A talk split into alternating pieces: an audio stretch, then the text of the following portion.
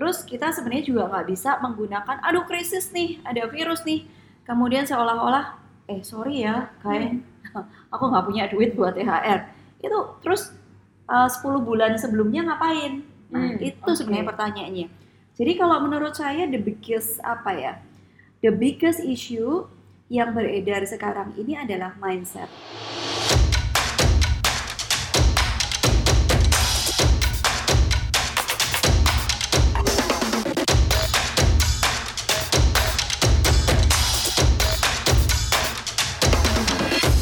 Welcome back to Curhat HRD. Halo teman-teman, selamat datang kembali di Curhat HRD bersama saya Farid dan seperti biasa partner saya. Saya dengan Marcel. Dan kali ini kita kedatangan oh, nggak tahu ngomongnya ini bintang tamu atau host di sini malah ya karena kali ini kita kedatangan tamu yang spesial di mana tamu ini bukan tamu sembarangan, Hmm, bukan sebatas tamu eksternal, tamu yang tidak jelas dan sebagainya, tapi ada satu sosok menarik yang hmm. menjadi roda utama di Sinergia Konsultan. Saya bilangnya ibu negara, Farid. Ibu negara, Uh-uh. betul betul. Ibunya tersenyum-senyum di sini. Iya. Mungkin Marcel mau cerita dikit, ibu negara ini emang Oke, siapa sih Siapa? gitu ya? Jangan-jangan sudah pada kenal gitu. Hari ini kita akan taking podcastnya bersama Ibu Amelia Hirawan gitu ya.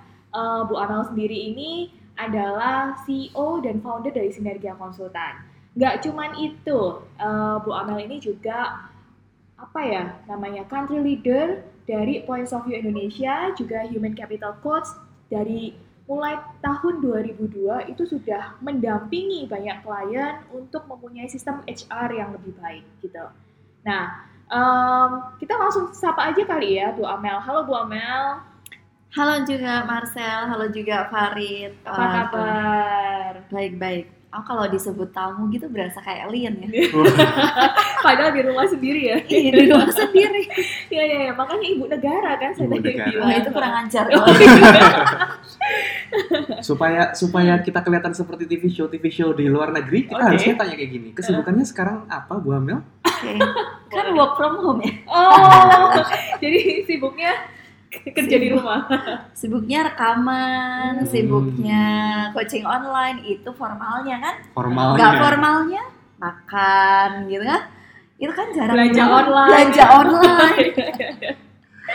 betul betul betul. Dan teman-teman kali ini eh, bahkan proses di bulan ini eh, kita pengen bahas satu topik menarik yang mungkin teman-teman juga bisa nanti dengarkan dan banyak baca di berbagai lini medianya Sinergia Konsultan. betul Karena yang udah disiapin ya. Betul, karena bulan ini kita benar-benar mau bahas satu topik spesifik, terutama topik ini nggak cuman sebatas sensitif setiap tahunnya, tapi Betul. kali tahun ini sensitifnya jadi dua kali lipat. Mungkin jadi 10 kali lipat Mungkin ya. 10 kali lipat. Apalagi untuk para business owner, human capital practitioner yang juga dengerin gitu. Ini jadi topiknya hot banget nih gitu. Betul, yang apalagi kalau bukan di bulan April gini seputar THR, tunjangan hari raya. Raya. Seperti yang teman-teman tahu, itu adalah satu apa ya, kewajiban yang perlu dilakukan oleh setiap organisasi kepada para karyawannya, di mana setiap tahun memberikan THR untuk para karyawannya masing-masing. Tapi di bulan ini kita menghadapi satu momen yang berbeda seputar THR. Kenapa? Karena THR-nya nggak cuma sebatas dibagiin, ya udah selamat dapat, tapi Hmm. juga pusingnya 10 kali lipat kayak Mas Lali bilang karena kita dihadapkan dengan satu fenomena yang namanya corona. Iya. Betul. Dan ini membuat sebenarnya udah bukan jadi rahasia lagi ya. Bisnis semakin turun, pemasukan ekonomi ekonomi ya. turun, Oh. semua melambat dan sebagainya. Dan Betul. ini menjadi pertanyaan utama. Hmm. Apakah setiap bisnis dan organisasi udah siap untuk membagikan THR itu sendiri? Betul betul. Apalagi kalau kita lihat gitu ya, kenapa sih eh, kita bahas ini di bulan April, Farid? Gitu. Padahal semestinya di bulan Mei kita baru ngomongin soal THR gitu. Kenapa ini jadi lebih maju? Melihat kondisi ekonomi yang saat ini, yang terjadi di belakangan ini, maka kita perlu jauh-jauh hari ini lebih waspada. Gimana cara kita bisa mengelola supaya kita nggak terlambat lagi. Untung-untung yang mungkin udah mengelola THR-nya dari dari tahun lalu gitu. Makanya juga kehadiran Bu Amel di sini karena saya tahu gitu ya, akhir-akhir ini Bu Amel banyak telepon ke klien ngingetin Pak, Betul banget. cadangan dana THR-nya cukup nggak? Wah, nah makanya kita kayaknya kepingin dengar langsung Eh, kira-kira apa sih pengalaman Bu Amel terkait dengan isu THR ini? Isu apa yang sering muncul di belakangan ini? Mungkin kita mau ngawali dengan ini deh. Hmm. Sudah berapa banyak orang yang mulai kontak Bu Amel dan tanya seputar THR? Gimana Bu? Oke. Kalau sebenarnya pertanyaan awalku gini, Farid, kamu nggak nanya, aku udah siapin THR buat kamu belum gitu kan? Oh iya itu kayaknya lebih penting daripada Oke. kamu nanya sudah berapa banyak orang kan?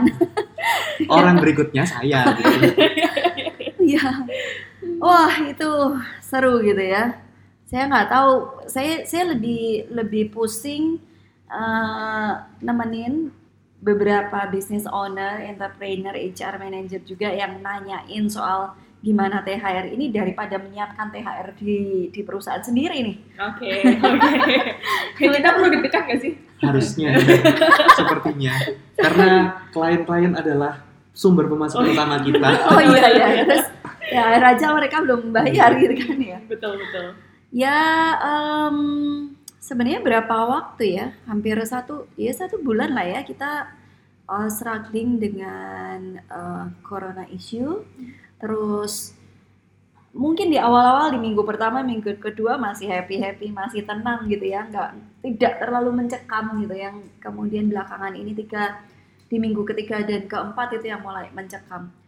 Dan uh, menurut saya memang kekhawatiran teman-teman business owner juga is- uh, HR practitioner juga HC practitioner juga beralasan ya. Ini masih bulan April.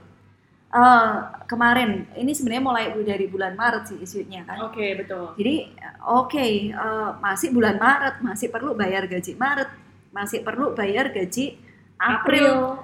Ah, di Mei ini udah jam eh, udah cuman efektifnya dua minggu, kan Ya, hari karena banyak hari libur, Betul. kemudian ada Lebaran juga, udah dua minggu, kemudian ada THR, gaji bulan Mei pula, Mm-mm. kemudian April juga udah work from home semua. Hmm.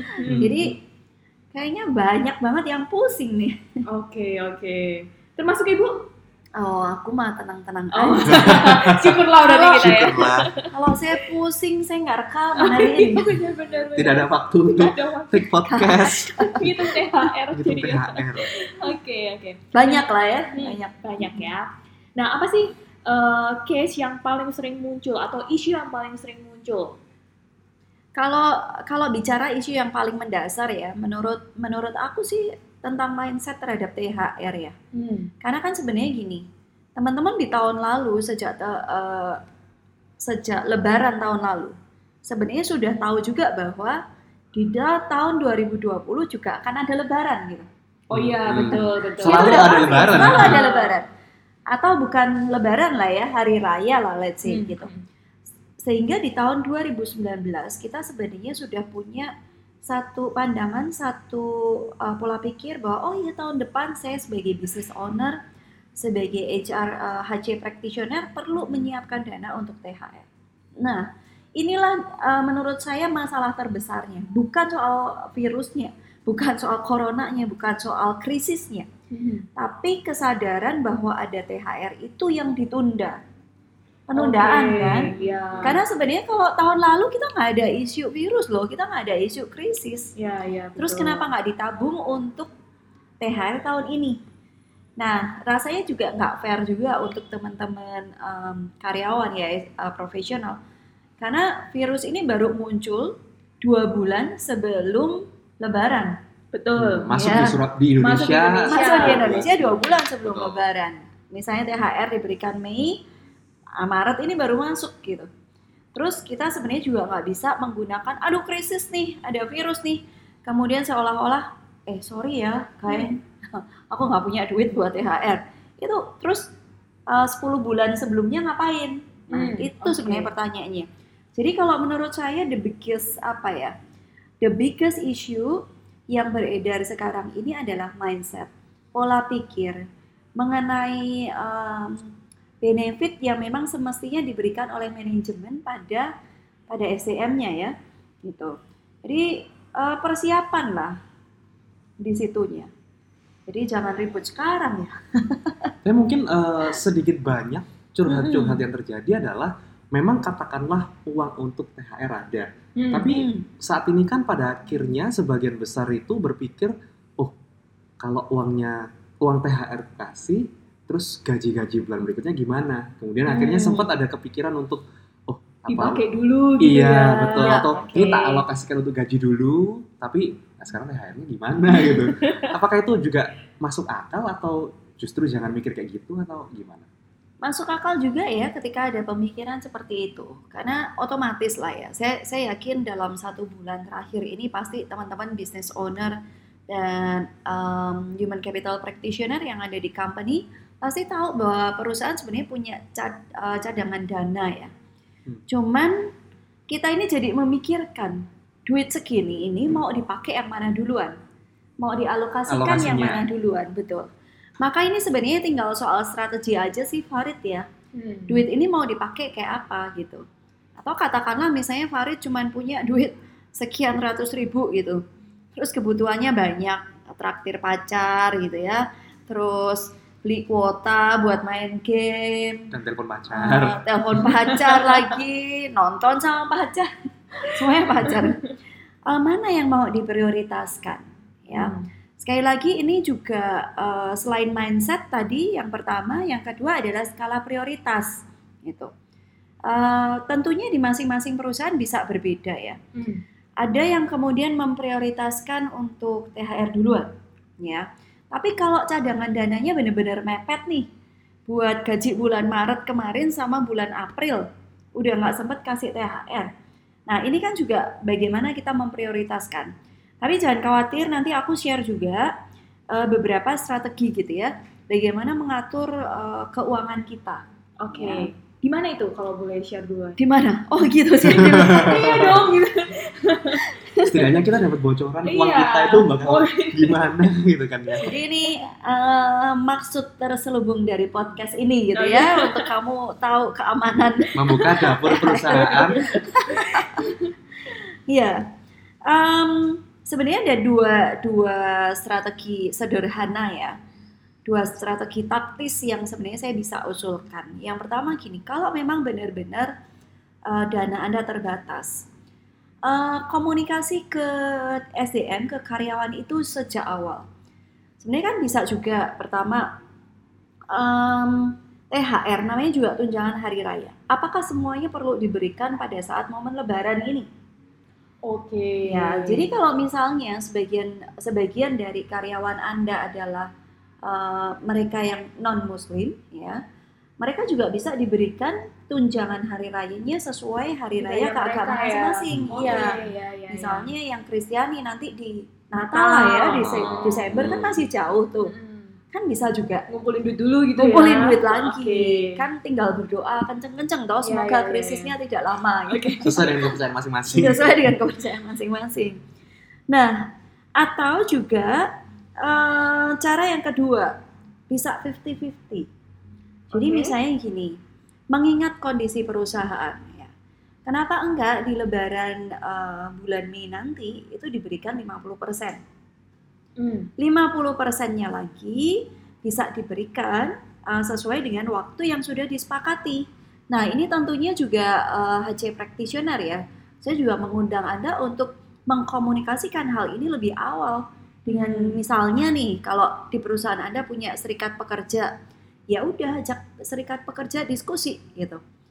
Kenapa? Karena kita juga kepingin bulan April itu teman-teman masih dapat gaji. Walaupun mungkin nggak penuh, tapi masih masih ada lah ya Masih ada gitu. ya. Sehingga THR-nya gimana kalau 50%? 50 persennya lagi perusahaan berjanji akan memberikan di momen yang lebih tepat gitu karena sebenarnya menurut saya realistis ya Anda sebagai mungkin kalau ada teman-teman uh, profesional yang juga mendengarkan ya Mhm. uh, Anda bisa mengukur kok uh, seberapa banyak sales masuk di bulan-bulan ini di minggu-minggu ini seberapa banyak omset itu masuk seberapa banyak tagihan-tagihan yang tertunda itu bisa bisa Anda uh, cairkan gitu. Lah kalau emang benar-benar tidak ada ya yang penting ya perusahaan tidak mengada-ngada gitu. Oke. Ya, oke. Perusahaan benar-benar terbuka bukan uh, tidak lagi mm, egoisme semata gitu. Hmm, hmm. Tapi teman-teman profesional juga sebenarnya atau HC practitioner juga perlu memikirkan gini.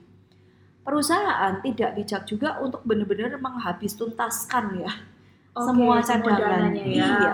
Mungkin masih perlu disisakan let's say 10 20% karena apa? Pada saat krisis itu berakhir, company juga pu- perlu punya Recovery ya. iya cadangan dana Oke. untuk recovery gitu. Itu kayak Makanya- modal lagi gitu ya. Bener. Betul. Makanya gini, loh Pak, Bapak kan masih punya duit bayar THR full. Iya sih. Tapi masalahnya bulan depan kamu nggak tahu mau makan apa. ya. Atau bagaimana roda perusahaan ini bergerak kembali. Oke. Membeli bahan baku. Hmm. Nah, ini skala prioritas ya. Jadi itu tadi dua tips taktis. Hmm. Yang pertama adalah THR bisa diberikan sesuai dengan hari raya keagamaannya. Kemudian yang kedua, coba dinego berapa persen berapa persen. Ya, hanya soal waktu penundaan. Ya, Karena di momen uh, work from home ini ya juga emang mau belanja apa sih? Kayak kita juga nggak ke mall beli baju baru ya. Stok makanan bu. Stok makan. Oh iya, stok. Masker, stok hand sanitizer. Nah, ini ini juga menarik Marcel ketika Marcel bilang ya. Karena ada uh, beberapa klien uh, kita Hmm. yang mereka tahu bahwa cadangan dananya itu tidak besar, ya. Oke. Tapi mereka juga membantu di Lebaran ini memberikan sekian persen THR plus mereka juga kasih sembako. Oh jadi ini strategi ya. Hmm. THR-nya Jadi nggak kasih uang mentah-mentah. Betul. Betul. Tapi kasih Ah, ah. sembako. Karena itu yang dibutuhkan kita kan saat ini. Betul betul. Apalagi udah stoknya di supermarket pada habis nih. Betul, Betul. betul, Ya. betul. Heeh. Itu salah satu opsi sih, teman-teman bisa kreatif mengatur THR-nya seperti apa. Oke oke. Tapi eh, nominal THR harus tetap ya. Kalaupun ada sembako itu sebenarnya adalah em, apa? Saya kira benefit dari perusahaan ya. Oke, jadi itu kreativitas perusahaan untuk bisa melakukan hal seperti itu ya. Kepedulian perusahaan ya. See, oke. Nah, eh, cuman tadi waktu Bu Amal cerita, saya tuh jadi tertarik satu hal Farid. Ini kan isunya sensitif nih, gitu Hmm. ya. Eh, kadang yang non Muslim pun, gitu ya, Mm-mm. itu terbiasa dengan diberikan THR pada saat hari raya Lebaran, gitu. Nah, sedangkan ini harus diundur. Padahal ini udah ngarep-ngarep nih, mulai dari Hmm. bulan Januari ah THR bulan ini, gitu. Ternyata banyak hal yang Hmm. berubah. Oke. Maka ini jadi isu yang sensitif untuk disosialisasikan. Nah, maka seperti apa sih kita tuh harus mensosialisasikan hal itu? Termasuk tadi kalau misalnya 50% dibayarkan sekarang, terus 50%-nya entah kapan, Mm-mm. atau diganti dengan sembako. Hmm. Mungkin ada Ya. yang nggak terima loh. Ya, gitu. betul. Pastinya komunikasi itu poin penting ya. Nah, Hmm. di momen krisis ini kompetensi Anda sebagai uh, business owner maupun sebagai HC practitioner ini diuji nih. Karena salah satu kompetensi yang perlu Anda punya adalah komunikasi dan koordinasi, ya. Jauh lakukan tipsnya adalah gini. Satu, lakukan jauh-jauh hari. Kalau Anda mensosialisasikan hal ini baru katakanlah satu hari menjelang batas akhir THR diberikan, wah orang-orang udah pana- pa- pada panik semua gitu. Bukan panik rebutan sembako ya, ini panik dengan keputusan Anda. Makanya eh, komunikasikan itu jauh-jauh hari. Sehingga sebenarnya SDM Anda juga bisa lebih persiapan. Ya. Kemudian tips yang kedua adalah dengarkan mereka. Ya. Eh, capai kesepakatan ini apakah 50%, apakah kemudian di- diberikan kapan lagi sisanya. Em, tidak bisa sebenarnya eh, hanya hanya menjadi keputusan dari atas ke bawah ya. Tapi ada baiknya juga Bapak Ibu. Anda dengarkan em, tentunya nggak semua karyawan ya. Tapi misalnya departemen head mereka dianggap mewakili satu de- suara satu departemennya atau dengan serikat pekerja. Libatkan mereka untuk diskusi ya. Ajak bersama-sama mereka memikirkan sampaikan faktanya. Karena barangkali justru ya ada hal ada ada usulan dari mereka yang yang kita nggak kepikir ya. Oke. kemarin ada satu contoh juga di satu company ya. Em, perusahaan sangat berinisiatif untuk memberikan gitu. Eh ini perusahaan mumpung masih dapat duit ini dicadangkan seperti itu. Eh ternyata ada satu profesional yang dia bilang gini pak eh, saya itu THR saya sebenarnya ditunda nggak apa-apa loh Pak. Ini Iya. karyawan nih yang ngomong. Ini kayak karyawan gitu. yang ngomong. untuk tanya Iya. langsung. Salah Oh, satu wow. manajer gitu. Oke. Saya dengar dengar sendiri karena yang bersangkutan ngomong gitu ya. Eh, saya sebenarnya nggak apa-apa THR saya ditunda. Mending itu buat tim saya dulu. Kalau memang sampai kurang. Wah. Nah. Wow. itu leader yang keren banget ya. Iya. Iya. Jadi em, ini justru muncul dari level tim leader Anda dan justru Hmm. di sini Anda bisa melihat sebenarnya Bapak Ibu siapa yang tidak egois gitu. Oke. Siapa yang tidak memikirkan diri sendiri. Hmm. Jadi em, tadi ya, yang pertama adalah lakukan komunikasi itu jauh-jauh hari. Kemudian yang kedua, dengarkan mereka. Oke. Ya, Kalau Anda siap membuka diri, saya yakin ya, orang juga akan menurunkan tingkat resistensinya kok. Orang juga akan terbuka kok, Hmm. ya. Eh, in a gentle way lah ya. Iya, iya. Kita kalau iya. ngomong Hmm. seperti itu gitu. Ya, itu sih tips komunikasinya. Yang penting open gitu ya, sama jujur. Hmm, Ada data-data yang pasti gitu, nggak Ya, tipu-tipu gitu ya. Kayak Benar. misalnya, aduh dana kita cuma tinggal sebulan, jadi nggak bisa kasih THR. Padahal, Padahal masih uangnya banyak. masih banyak. Iya, lah ya keuntungan bulan-bulan lalu ke mana? iya betul betul. Itu Gitu. patut dipertanyakan. Dan mungkin em, kalau dari penjelasan yang tadi, sebenarnya Faris sendiri lebih penasaran satu hal ini sih. Emang kita harus berapa lama kayak gini?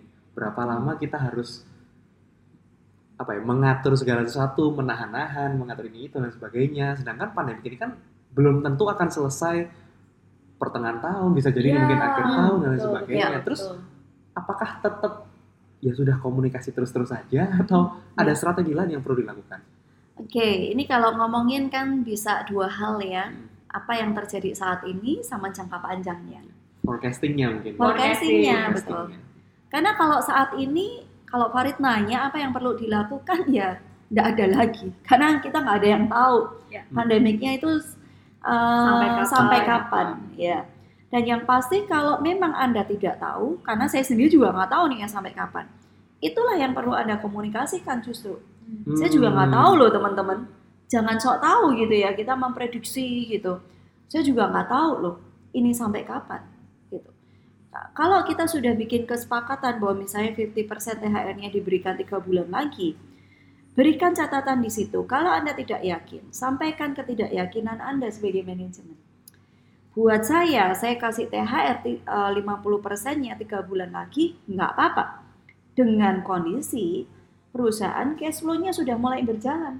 Hmm, Tapi- stabil lagi. Ya, plan B nih, kalau memang eh, bisnisnya belum jalan, teman-teman saya berharap juga di momen deket-deket itu kita bisa diskusi lagi.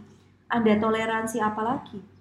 Mungkin dicicil gitu ya, tiga bulan lagi eh bisa nambahin 20%, ya udah kasih aja dulu. Oke. Ya, kalau nggak, Emang mau pakai duit apa? ya. Hmm. Nah, jadi eh, memang perlu kok eh, Farid mengkomunikasikan itu secara berulang, update berulang ya. Karena pergerakannya juga dari minggu ke minggu, hari ke hari Hmm. ya. US dollar aja kursnya diupdate setiap hari kok. Iya. Iya. betul, betul, Jadi iya. kalau teman-teman nanya seberapa sering saya perlu komunikasi, ya komunikasi sesering mungkin gitu. Hmm. Ya eh, bisnis kita tidak lebih dari kurs USD sebenarnya sih. Iya, iya, USD iya. aja diupdate terus itu. Nah, kemudian yang kedua adalah jangka panjang. Hmm. Ya. Pengalaman ini memberikan satu apa? Kejadian ini memberikan satu pengalaman berharga buat kita semua. Ternyata kita tidak bisa menyepelekan eh, pengaturan tadi forecasting ya atau financial company. Ya. Nggak sekedar oh saya punya duit kok, pokoknya ini omset segini segini Hmm. segini. Makanya dari dulu kan nenek-nenek kita, kakek kita bilang rajinlah menabung. ya, back to basic Iya, ini. iya, iya, iya. Gitu. Oke. Jadi eh, menabung pun juga rasanya menjadi perlu Anda masukkan kalau Anda struggling saat ini, berarti poinnya adalah bagaimana Anda belajar menabung untuk perusahaan Anda. Hmm. Ya, Eh, ya sekarang tidak ada yang bisa dilakukan, tapi jadikan kejadian ini sebagai pengalaman untuk nanti ke depannya ketika membuat strategi lagi di perusahaan Anda. Ya. Sisihkan. Eh, saya sebenarnya juga belajar dari eh, bisnis coach saya ya, Mhm. Marcel dan Farid. Bisnis coach saya tuh juga bilang sih, apa yang menjadi profit sisihkan gitu.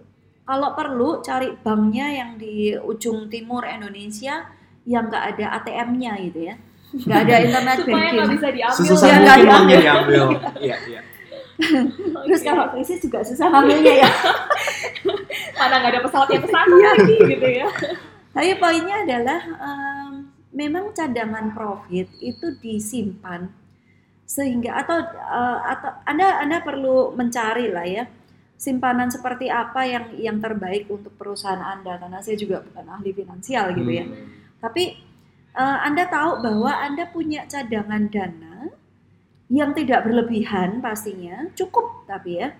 Eh, biasanya mungkin 4 sampai 6 bulan dari kebutuhan kebutuhan bulanan di perusahaan itu. Rasanya itu eh, lumayan sih gitu. Jadi sisihkan betul-betul dari profit, masukkan itu. Termasuk untuk THR ya, karena kami di Sinergia sendiri itu juga setiap bulan sebenarnya menyisihkan. Eh, kita memprediksi tahun depan itu THR yang kita keluarin kira-kira berapa dengan penambahan karyawan.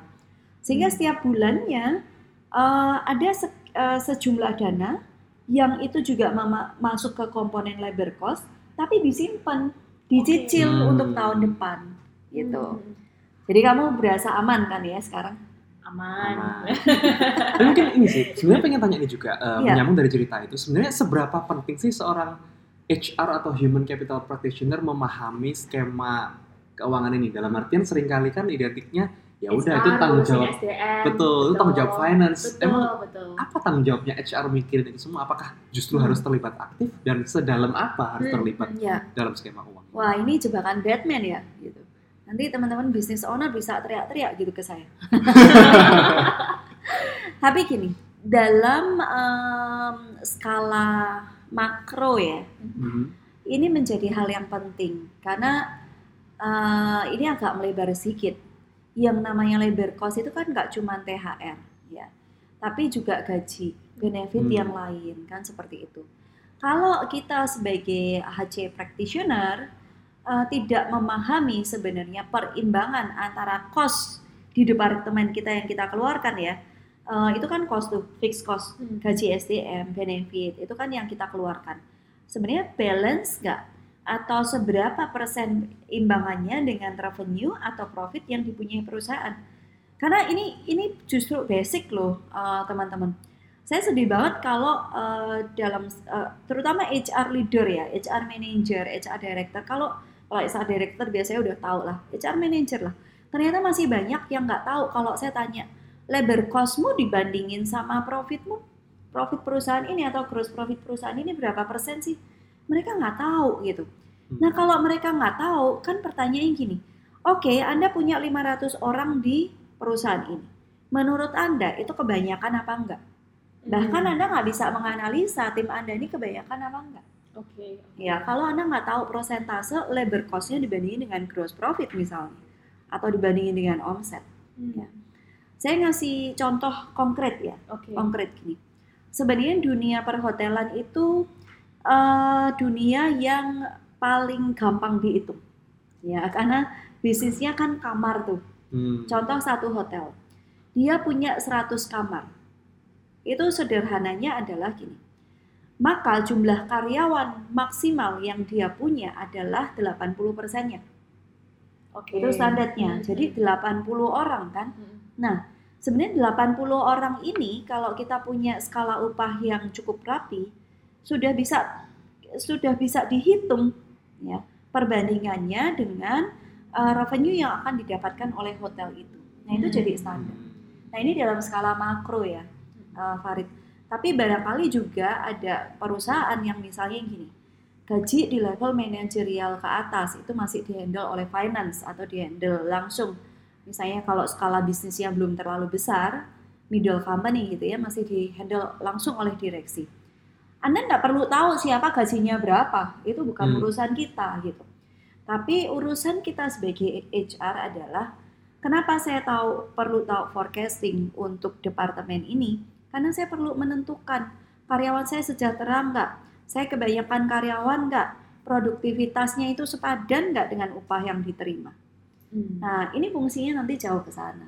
Oke, Ya. oke. Kita bisa bicarain itu secara khusus Iya, nanti ya. Satu sesi lagi. Betul, Satu betul. sesi lagi. Tapi ini ngingetin gitu ya Hmm. buat human capital practitioner di luar sana, terutama yang lagi dengerin podcast, Anda nggak bisa loh merem yang namanya finansial Hmm. gitu. Anda harus melek finansial gitu ya. Kenapa? Karena ini berhubungan langsung. THR berhubungan langsung. Apalagi Tunjangan, tunjangan, gajian. gajian, bukan nominalnya kalau tadi Bu Hmm. Amel bilang, tapi lebih bagaimana pengaturannya, dia tahu dan paham bagaimana teorinya, jadi nggak ada lagi nih human capital practitioner yang nggak ngerti nanti kalau misalnya ditanya, eh berapa persen perbandingannya? Hmm. Eh berapa ya kan gitu. Ini saatnya Anda mulai belajar human capital as business partner. Itu yang sering juga dikatakan Bu Hmm. Amel Farid gitu. Kayaknya kita cukup banyak ya hari ini ngomongin THR sampai ke pengelolaan finansial dan kita mungkin Yep, nextnya akan bahas pengelolaan finansial itu seru juga Seru kali ya. juga. Mungkin Ya. boleh diagendakan juga kali Boleh ya. diagendakan. Dan berarti teman-teman yang dengerin podcast ini juga bisa tanya langsung ke kami lewat Hmm. media-media kami di Instagram di At sinergia underscore konsultan dan juga atau email kita juga bisa. betul di info at sinergiakonsultan.com. Di situ teman-teman bisa curhat apa nih yang jadi kendala teman-teman mengelola STM-nya. gitu. Siapa tahu di next podcast kita bisa bahas topik itu secara spesifik dan kita Betul. undang expert. Expert di bidangnya. untuk cerita, betul. Sebagai penutup mungkin Bu Amel ada nggak pesan-pesan khusus untuk teman-teman pendengar yang mungkin tadi belum kita tanyakan juga Mm-mm. seputar THR dan lain sebagainya. pesan ya ini uh, untuk teman-teman business owner dan juga HC practitioner ya bagaimanapun kita punya satu company yang legal di negara ini ya. Dan semuanya sebenarnya sudah diatur dalam undang-undang ya. Maka sebenarnya hal ini undang-undang atau ketentuan hukum itu menjadi dasar langkah kita. Kalau itu memang harus ya silahkan itu dilakukan ya. Nah, eh, itu yang pertama tentang aturan, tentang hukum. Kemudian yang kedua, di momen seperti ini jadi penting ketika Anda memiliki data karyawan yang update.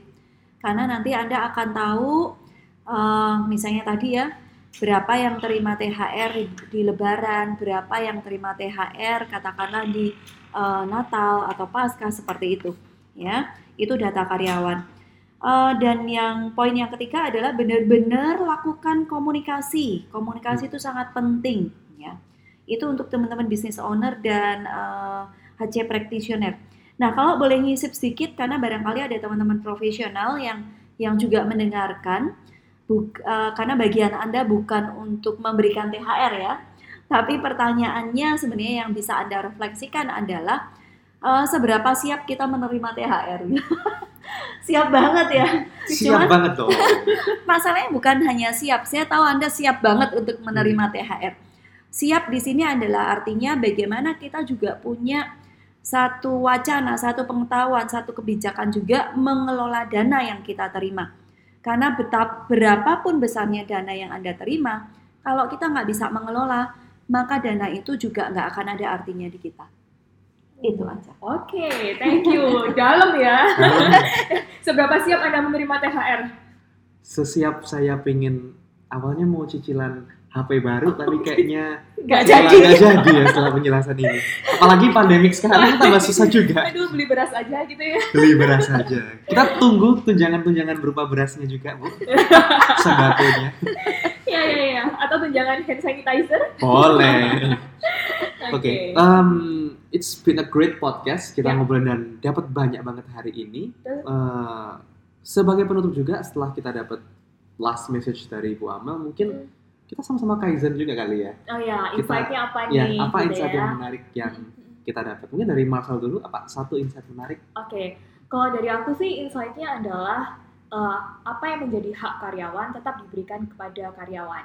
Tapi yang namanya strategi itu bisa kita pikirkan secara kreatif Hmm. gitu. Kalau dari Farid apa? Kalau dari Faris sendiri satu sih, em, ilmu dasar yang bahkan kita udah diajari dari TK sampai hari ini selalu jalan adalah tentang komunikasi. Hmm. Dari kecil belajar komunikasi sama orang tua, dari ketika SD belajar komunikasi sama teman-teman, tapi sampai gede entah kenapa isu komunikasi masih nggak pernah selesai.